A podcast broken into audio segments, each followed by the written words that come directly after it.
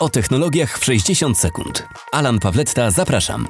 Zaprezentowane podczas ostatniej konferencji Apple 20 kwietnia nowe produkty, w tym nowy 24-calowy iMac, potężny iPad Pro z procesorem M1 oraz ulepszona przystawka do telewizora Apple TV 4K mają być dostępne w sprzedaży od piątku 21 maja. Zamówiony wcześniej w przedsprzedaży fioletowy iPhone 12 powinien trafić do pierwszych klientów już jutro.